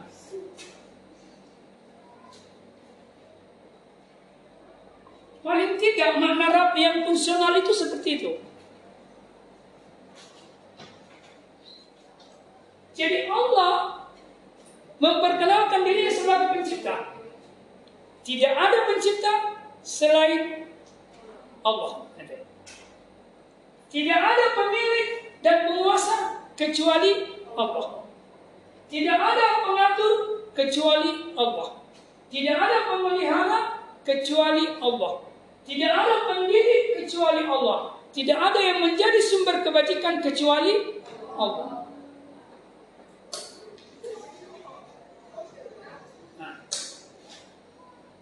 Kesadaran akan ketunggalan Allah sebagai pencipta, sebagai penguasa, pemilik, pengatur, atau Rab itu sudah dibawa sejak lahir. Sudah dibawa sejak lahir. Kesadaran ini sudah ada pada setiap manusia yang yang lain. Karena di alam pra-eksistensi manusia sudah diambil janjinya oleh Tuhan. Seperti dalam kalimat ayat surah 7 ayat 172. Ya, di surah 7 ayat 172 sampai 173. Di sana ada kalimat alastu birabbikum. Alastu birabbikum. Bukankah saya Rabbmu? Nah, itu. Semua ruh jiwa menjawab kalu bala syahidna. Benar, engkau Rabb kami. Syahidna, kami bersaksi. Ini terjadi di pra eksistensi. Sebelum manusia dalam rahim dan sebelum manusia di dunia. Jadi ada namanya alam zar, alam pra eksistensi. Ruh ditanya, bukankah saya rohmu? Maka ruh menjawab, iya, engkau Rabb kami, saya kami bersaksi. Jadi ruh kita sudah pernah bersaksi di hadapan Allah, mengakui, menyaksikan ketunggalan Tuhan sebagai Rabb, ketunggalan Tuhan sebagai Rabb. Jadi yang dimaksud Allah itu birabbukum, bukankah saya penciptamu? Bukankah saya pemilik dan penguasamu? Bukankah saya pengaturmu, pemeliharamu, pendidik dan pemberi kebajikan yang tunggal kepadamu? Maka semua kita bersaksi bala. Betul. Engkau yang menciptakan. Engkau yang mengatur kami. Engkau yang memelihara kami. Engkau yang menguasai kami. Engkau yang memiliki kami. Engkau yang memberikan kebajikan kepada kami. Ini yang dimaksud dengan makna rahmat. Maka pertanyaan alastu birabbikum lalu dijawab bala syahidna. Ini kesadaran pertama yang Tuhan tanam dalam diri manusia. Manusia tidak perlu mengilmui itu. Karena memang Tuhan tanam langsung. Ini namanya ilmu huduri. Ilmu yang didatangkan pada roh manusia secara langsung. Maka roh yang ditiupkan kepada setiap janin itu adalah roh yang menyadari ini. Nah, paham tak? Jadi sekali lagi Allah sudah menanamkan sebuah kesadaran yang kita sebut rububiyah Allah. Tauhid rububiyah Allah. Kalau makna yang lain tauhid rububiyah. Tauhid perbuatan. Itu nama itu. Saya paham ya? Saya tadi katakan bahwa Allah pertama kali memperkenalkan dirinya sebagai Rabb. Secara di era di alam pra eksistensi itu juga di, dinyatakan. Di wahyu yang dia turunkan pun itu yang pertama kali yang dia sebut dirinya sebagai Rabb. Ada sekitar 18 19 surah yang turun awal 18 di antaranya menggunakan kata Rabb. Nanti dia menggunakan kata Allah setelah turun surah Al-Ikhlas. Ya? Jadi misalnya di surah Al-Alaq, Iqra bismi rabbi. Iqra bismi rabbi. Iqra bismi nah. Bismi rabbi. Dia tidak mengatakan Iqra bismillah. Ya? Di surah yang kedua turun. Misalnya surah Al-Muzammil. Di situ Rabbul Masyrik. Tidak disebut Allah. Jadi Allah pertama kali memperkenalkan dirinya adalah sebagai Rabb. Sebagai dia sebagai Rabb. Maka ilmuilah rububiyahnya Allah. Ilmuilah Allah sebagai satu-satunya pencipta. Ilmui Allah satu-satunya pengatur, pemelihara, penguasa dan seluruh makna-makna Rabb ini. Ilmui. Meskipun itu sudah tertanam di alam pra-eksistensi. Tapi dia Allah menampakkan pembuktiannya di alam nyata, yakni di alam ini. Ini. Maka Anda bisa melihat ciptaan itu bagaimana teraturnya, ciptaan itu bagaimana terpeliharanya, ya, bagaimana kebajikan Allah sangat banyak pada ciptaan itu. Bahkan tidak ada keburukan sebenarnya di atas dunia ini. Yang ada hanya kebaikan. Tapi keburukan itu hanya sisi kosong dari kebaikan. Kalau Anda belajar fisika kuantum, bisa dijelaskan. Jadi hakikatnya keburukan itu tidak ada. Dia sisi kosong dari kebaikan. Makanya Tuhan bilang begini dalam Al-Quran. Tidak ada yang yang merubah kebaikan itu menjadi keburukan itu adalah manusia. Di dalam surah Al-Anfal, Anda bisa lihat. Di surah Al-Anfal, itu jelas. Allah tidak pernah merubah nikmat yang dia berikan kepada seorang hamba, sebuah kaum, kecuali kaum itu sendiri yang merubah. Contoh, mata ini nikmat atau tidak? Ternyata mata itu digunakan oleh kebanyakan manusia dalam dosa. Maka dia merubah nikmat menjadi bencana. Ini nikmat, tubuh ini nikmat. Tapi ternyata manusia menggunakan nikmat-nikmat ini dalam keburukan. Maka dia merubah nikmat menjadi bencana. Itu. Allah alam napun mugayyiran. Kami tidak pernah menjadi merubah nikmat itu kecuali dia mudah sendiri. Itu yang dimaksud.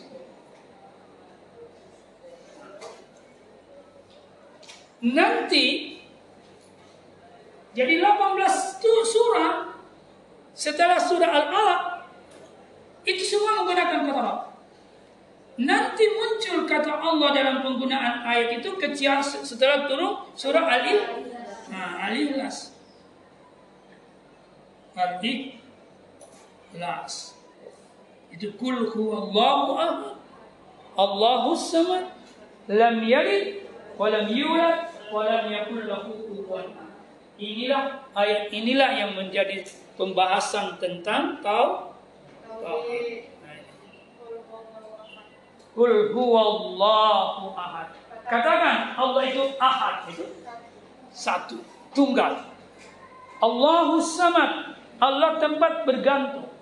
Lam yalid wa lam yulad, tidak beranak dan tidak diperanakkan. Walam yakul lahu kufuwan ahad, tidak ada yang serupa. Tidak ada yang sekupu dengannya. Ini nanti kita akan bahas satu ya. Tapi sebelumnya kita bahas lebih dalam ini.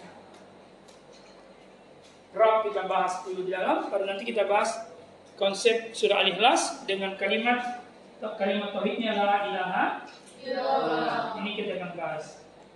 Jadi pertama kita bahas dulu lebih dalam ini. Ya, nah, baik. Kita mulai. Makna pencipta. Jadi seorang hamba sudah menyadari secara huduri, secara tertanam secara kuat dari awal kelahirannya bahwa dirinya adalah makhluk yang dicipta dan Allah adalah Al-Khaliq, pencipta. pencipta.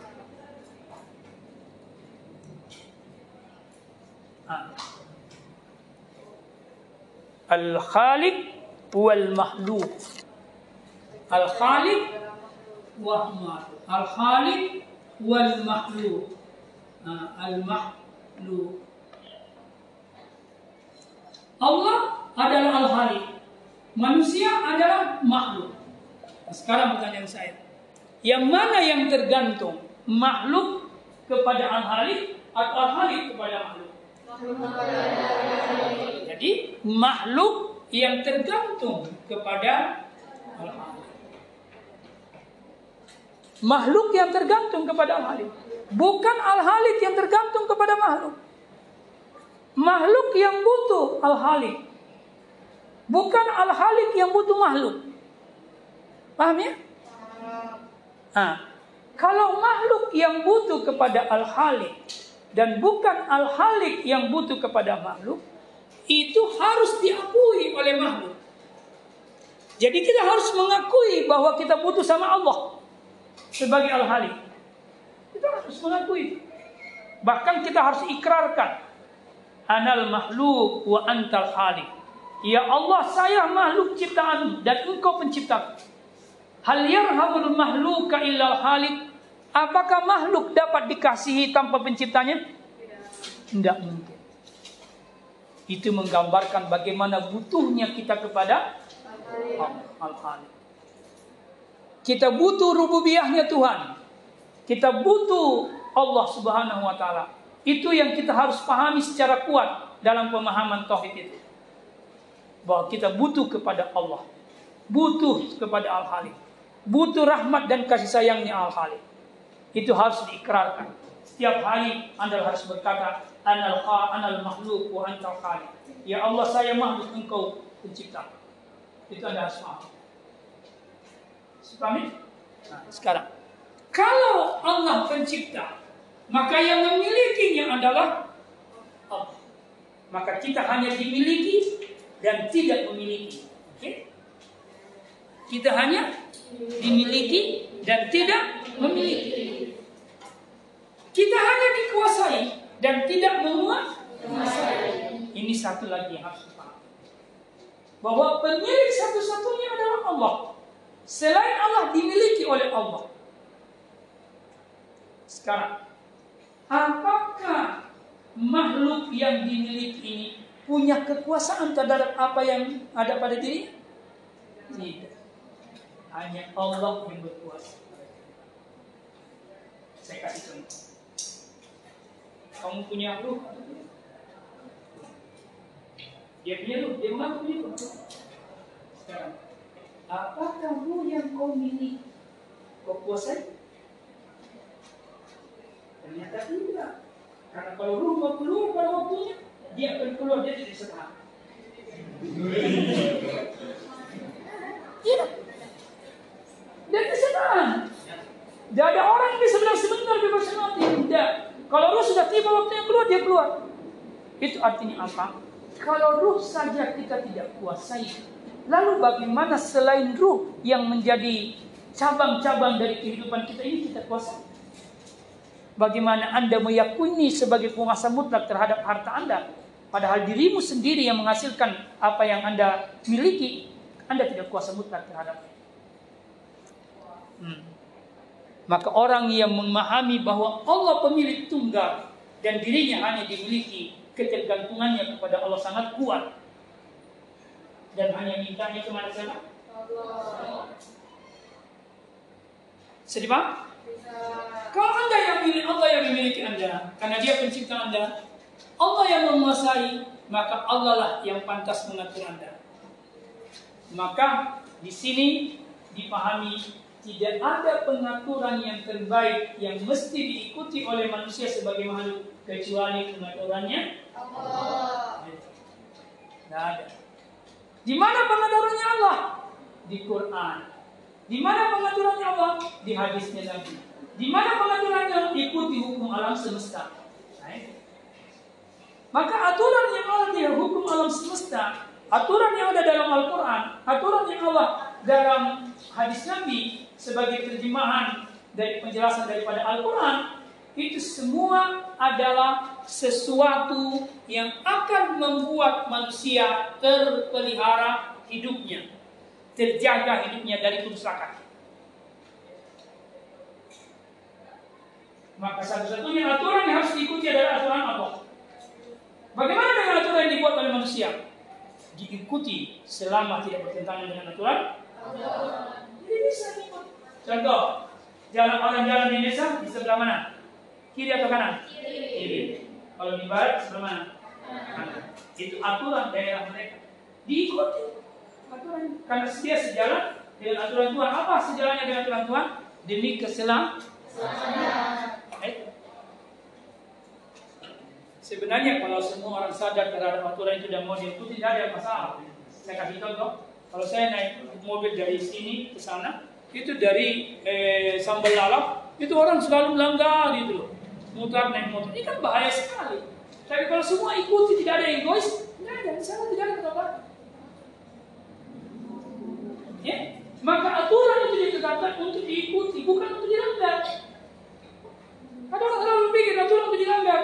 Enggak, aturan itu untuk diikuti supaya kehidupanmu terpelihara. Maka tidak ada yang memeliharamu kecuali Allah.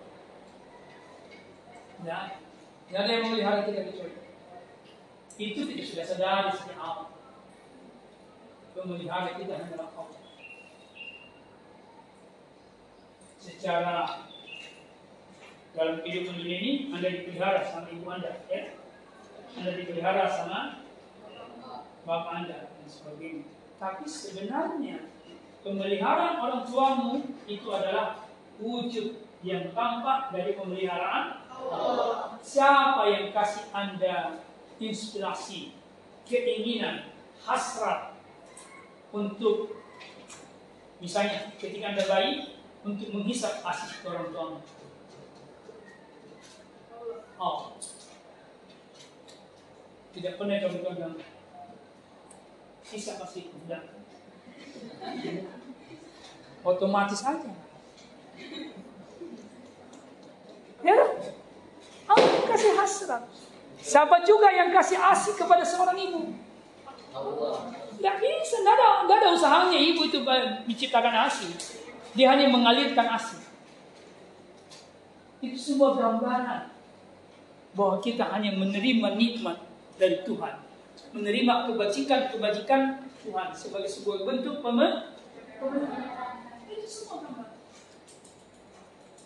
Ya? Tidak ada. Tidak ada yang bisa kita lakukan. Siapa yang mengajari Anda sejak kecil kalau Anda ingin mengadu dan terancam lalu menangis? Bukan tidak, tidak pernah diajar sama orang tua Kalau kau terancam menangis, kau sudah saya tahu. Nah, tidak, tidak pernah begitu. Kalau kamu terancam menangis saja, maka orang tuamu tahu bahwa dia terancam, maka dia datang melindungimu. Itu dari semua dari digerakkan oleh Tuhan.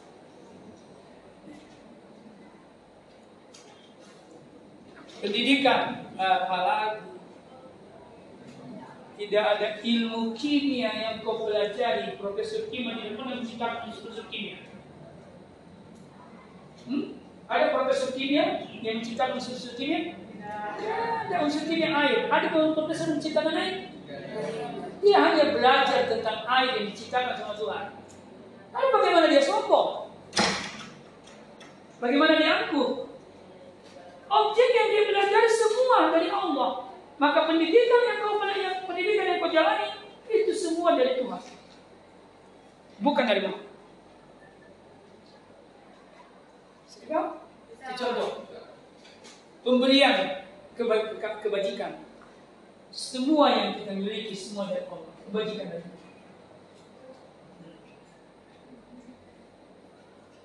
Ada yang Kalau Kesadaran seperti ini itu sudah menjadi kesadaran bawaan manusia. Ini yang disebut kesadaran alami atau pit fitrah. Tapi kesadaran fitrah ini ha, sering kali terlupakan.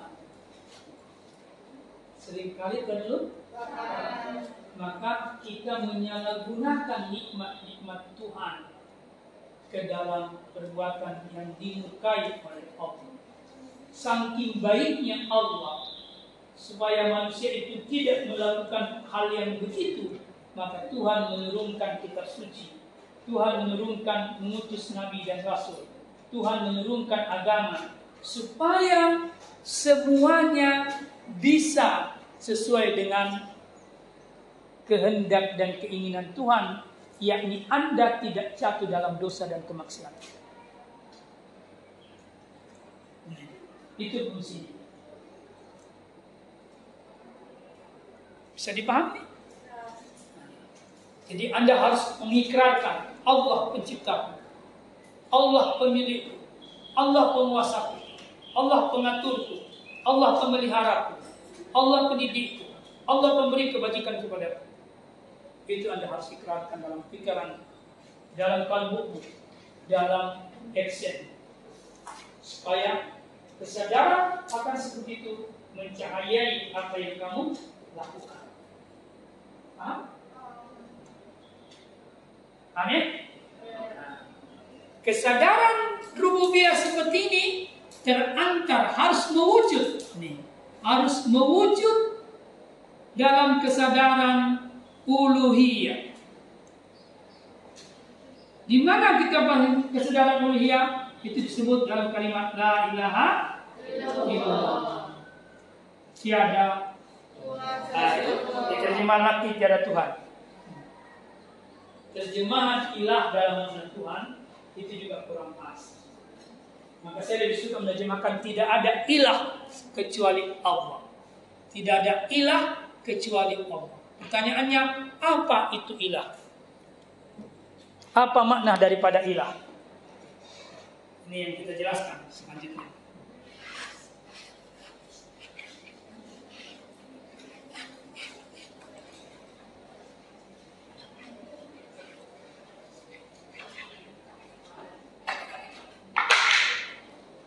Makna ilah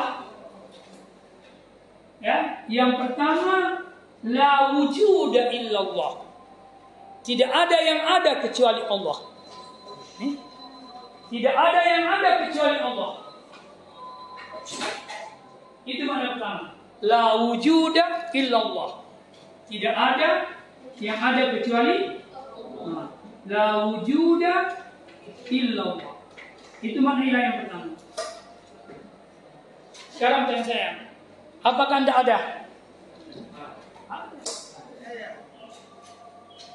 Tapi keberadaan anda bukan keberadaan mandiri, bukan keadaan keberadaan mutlak, tapi keberadaan anda diciptakan, diadakan. Artinya keberadaan makhluk itu berasal dari ketiadaan. Lalu kemudian diadakan. Maka makhluk itu semua pernah tidak ada. Lalu kemudian itulah kenapa manusia pertama disebut Adam. Supaya dia sadar bahwa kamu dulu tidak ada, lalu Tuhan mengadakan. Maka yang ada secara mutlak adalah Allah sebagai pengada. Sudah paham? Kemudian makna ilah yang kedua adalah eh, tidak ada yang di, dipuja, dipuja, dipuja, dipuji kecuali Allah. Yang terpuji itu hanya Allah. Maka kalimat yang sering anda baca, Alhamdulillah. Segala pujian miliknya Allah. Apa kita terpuji? Suka dipuji tidak? Suka. Nah, iya. Pasti anda suka dipuji. Suka dihina tidak?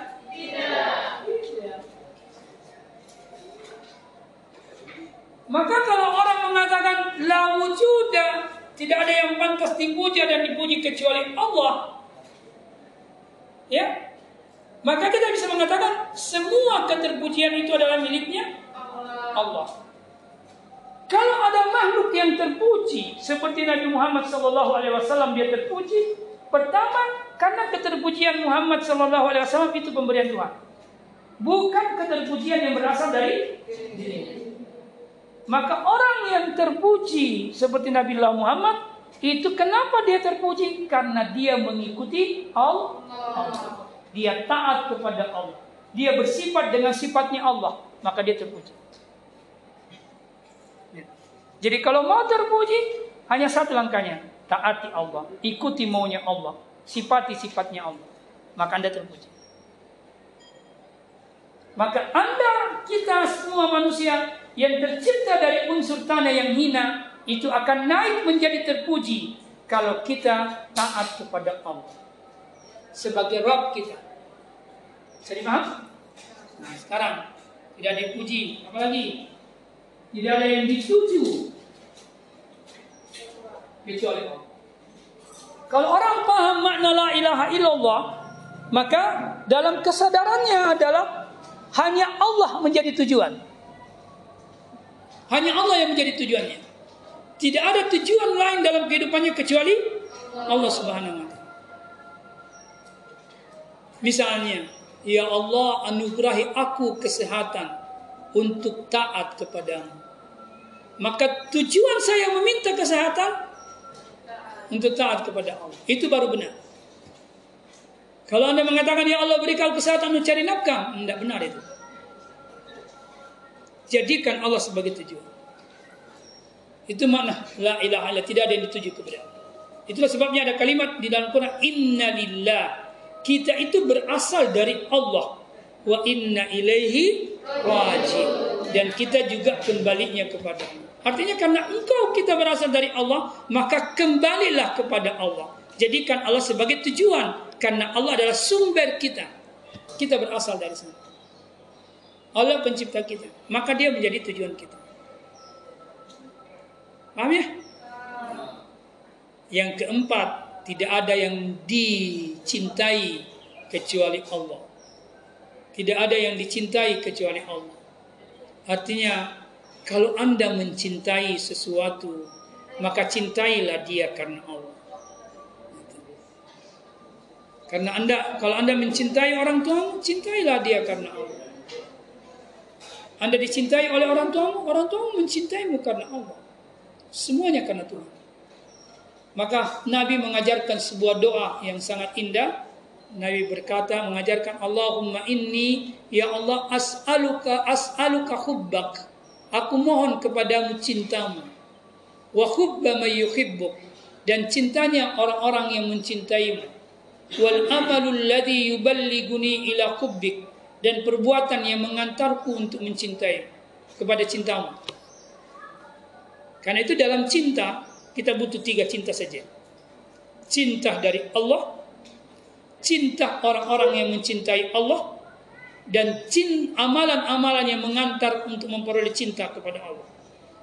Atau dengan kata lain, amalan-amalan yang dicintai oleh Allah.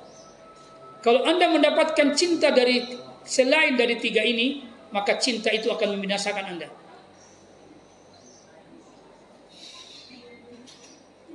Hmm. Saya kasih contoh. Kenapa apa bedanya kita dicintai oleh orang yang mencintai Allah dengan orang yang tidak mencintai Allah dan tidak dicintai oleh Allah?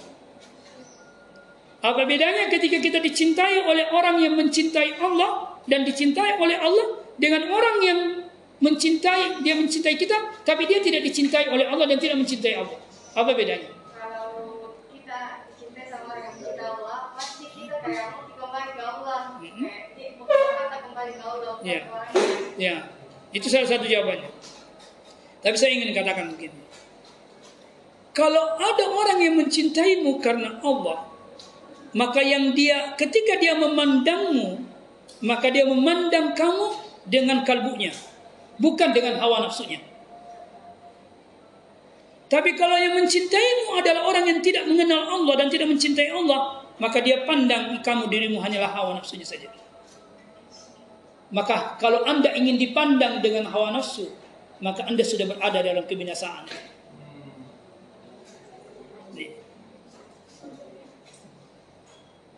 Itu bedanya.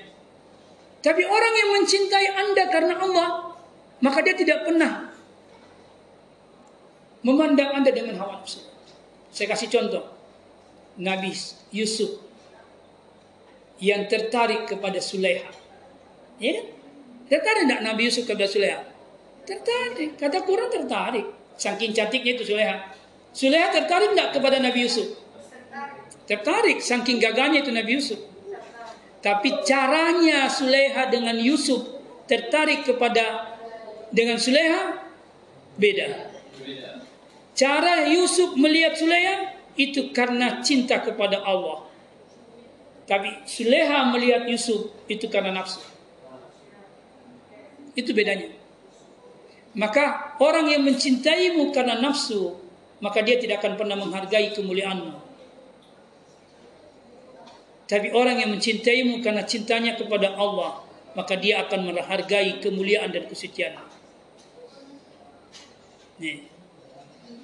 Maka mintalah orang yang mencintaimu karena Allah, bukan karena selain itu. Kalau begitu, kalau mau dicintai karena Allah, maka cintailah juga Allah. Karena hanya cinta karena Allah bertemu dengan cinta dicintai karena Allah.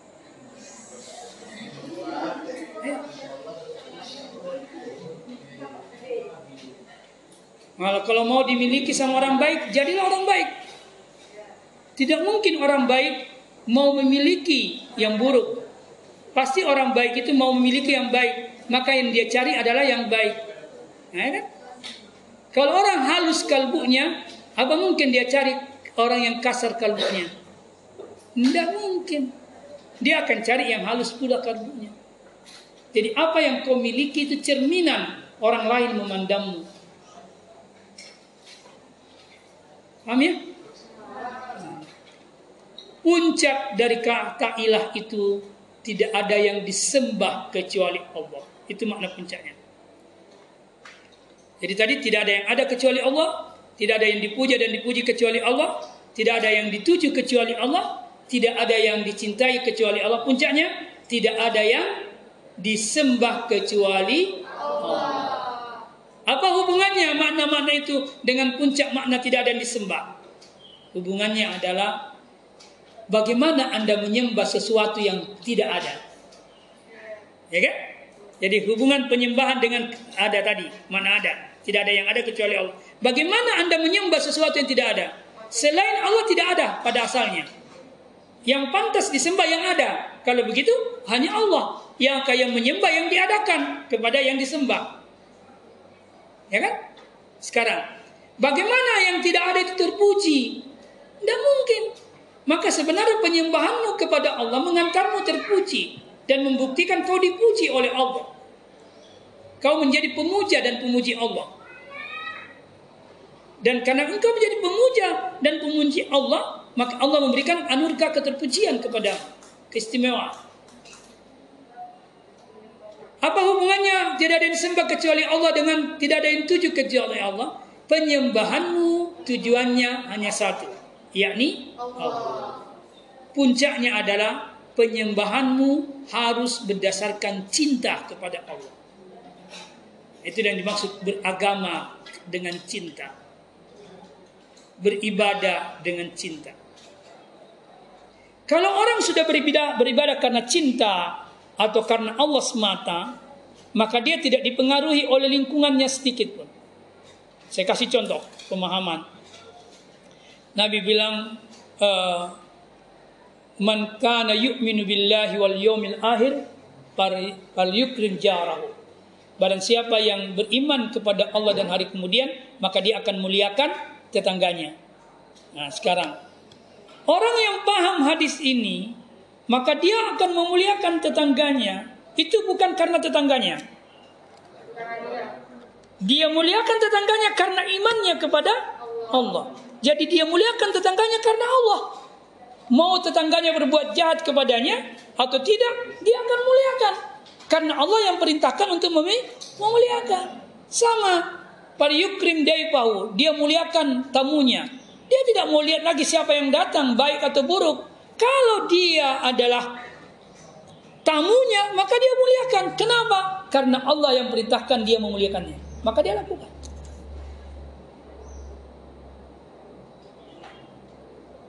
Itu. Ada seorang nabi, saya salah Nabi Musa ya atau Nabi Ibrahim kayak Nabi Ibrahim didatangi oleh seorang pengemis yang kemudian sangat lapar. Lalu kemudian Eh, tapi dia kafir kepada Allah. Lalu kemudian dia minta makanan kepada Nabi Ibrahim. Tapi Nabi Ibrahim mensyaratkan, saya kasih kau makanan kalau kau beriman kepada aku. Kalau kau beriman kepada Allah. Dengan syarat itu, Allah menegur Nabi Ibrahim. Hei Ibrahim, saya saja memberikan makhlukku nikmat makanan meskipun dia tidak beriman kepada aku. Lalu bagaimana kau mensyaratkan iman itu baru kau bisa bantu orang. Mendengar teguran itu, Nabi Ibrahim mencari orang Yahudi itu yang datang orang orang Majusi itu yang datang kepadanya. Lalu orang Majusi itu berkata, Kenapa kau cak apa yang mendorongmu sangat baik kepada aku padahal kau sudah menolakku ketika awal meminta. Nabi Ibrahim bilang, saya ditegur oleh Tuhanku. Saya ditegur, kenapa kau tidak kasih itu makanan meskipun berbeda? Kenapa kau mensyaratkan harus beriman? Mendengar jawaban itu, sang majusi ini yang kafir kepada Allah, itu kemudian dia berkata, baik sekali Tuhanmu, saya beriman kepada Tuhan. Itu. Ya, ada seorang pemuda yang jahat sama seorang yang alim. Dia main sang alim dia bilang sama sang alim, eh Pak Alim ke rumah ya. Alim itu ahli ilmu ulama lah gitu ya. Ke rumah ya, sebentar. Sang alim itu datang ke rumahnya. Tapi sedang tiba di rumahnya, sang anak muda berkata, pulang nih Pak Alim, saya tidak butuh. Sang alim hanya tersenyum. Dia lakukan hal itu tiga kali. Sang alim juga tersenyum ketiga, ketiga kali. Lalu pemuda itu heran dan bertanya, kenapa bapak tidak marah? Saya perlakukan seperti itu. Dia bilang sang alim itu, saya sangat bersyukur kepada Allah. Karena saya sudah melakukan perbuatan yang Allah perintahkan hari ini tiga kali. Saya datang kepadamu bukan karena panggilanmu. Tapi saya datang ke rumahmu karena Allah bilang, kunjungilah tetanggamu apalagi dia memintamu. Maka saya lakukan. Tapi kalau mana laku, Alhamdulillah saya sudah lakukan. Mendengar jawaban sang kaya itu, oh anak muda yang sangat jahat dan kurang ajar ini, itu kemudian menangis dan kemudian menjadi seorang alim. Ini luar biasa. Ya. Jadi beragama itu harus paham Makna tiada Tuhan yang disembah kecuali Allah. Jadi tadi tidak ada dicintai, ketiga, keempat tidak disembah. Inilah yang disebut tauhid praktis. Tauhid praktis. Ada tadi sama tauhid teoritis.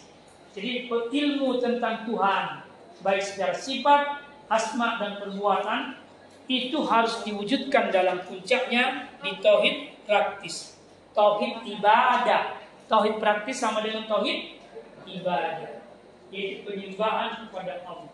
Dasar penyembahan kepada Allah ini kekuatannya ketika Anda sadar betul bahwa Allah pencipta. Allah pemelihara, Allah pengatur, Allah pemberi kebajikan kepadamu. Allah pe, e, pendidik. Inilah dasarnya. Maka dari Rabb menuju la ilaha illallah atau dari Rabb menuju uluhiyah maka menyembah Tuhan itu harus paham benar siapa Allah yang kita sembah. Yakni dia yang mencipta, dia yang memelihara, dia yang mengatur, dia yang memiliki, dia yang berkuasa. Kalau orang sadari itu, maka penyembahannya insya Allah sangat kuat. Sangat ikhlas. Bisa dipahami ini? Hah? Bisa. Oke. Okay. Nanti insya Allah pekan depan